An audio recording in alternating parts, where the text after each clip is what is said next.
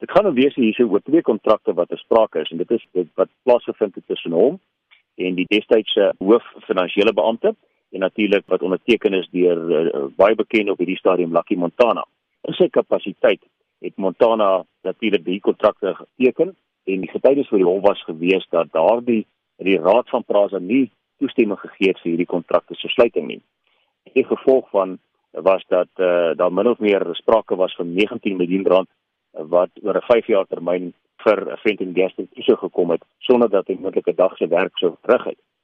Daarbenewens is daar natuurlik gesê dat omdat hy 'n vaste termyn dienskontrak gehad het en wat beëindig is na skaars die verstryking van 'n paar maande en as ek as ek reg kon onthou die stukke gepraat van ongeveer 13 of 14 maande is dat er onmiddellik weer 'n kontrak gesluit wat hom geregtig daarop gemaak het dat hy op 'n dag tot dag basis uh, fondse sou kry wat min of meer uitgewerk het op amper 2.500 rand per uur betaling.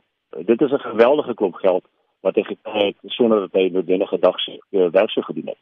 En in die lig daarvan dink ek was dit 'n aangewese ding gewees en ook die korrekte prosedure wat Plaza gevolg het om die hof te nader en te sê maar dit kan nie so staan nie uh, in belang van regstreeks bo daar onmiddellik aandag daarop gegee te word en syde gestel te word.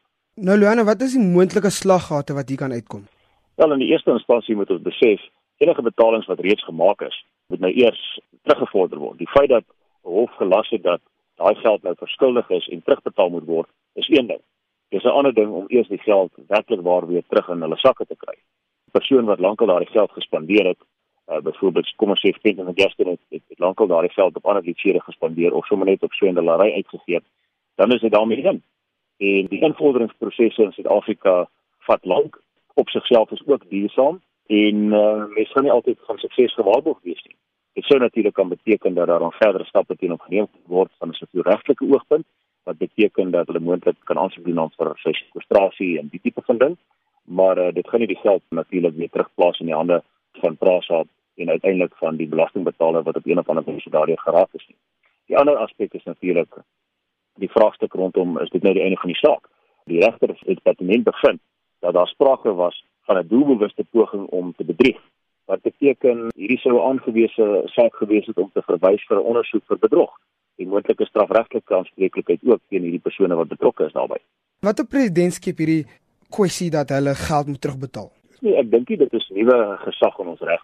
Hm. Uh daar is meer as voldoende hofsaake en gesag in die verlede wat suggereer dat waar 'n persoon of instansie op onregmatige wyse geld ontvang het en daardeur verryk is tot die nadeel of potensiële nadeel van ander betrokkenes, dan uh, kan die hof meer as een prosedure volg om daardie geld terug te gee.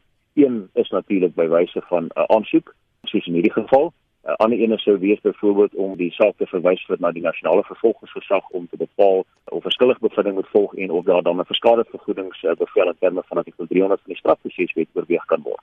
So hierdie is nie 'n unieke saak nie, maar ek dink feit dat daar soveel geld betrokke is op 'n instelling soos Prasa, het dit natuurlik heel voor op die nuusfront geplaas en ek dink uit daai perspektief is dit belangrik dat daar gewys word dat die howe nie sal skram en skroom uh, om op te tree teen sulke tipe van oortredings nie.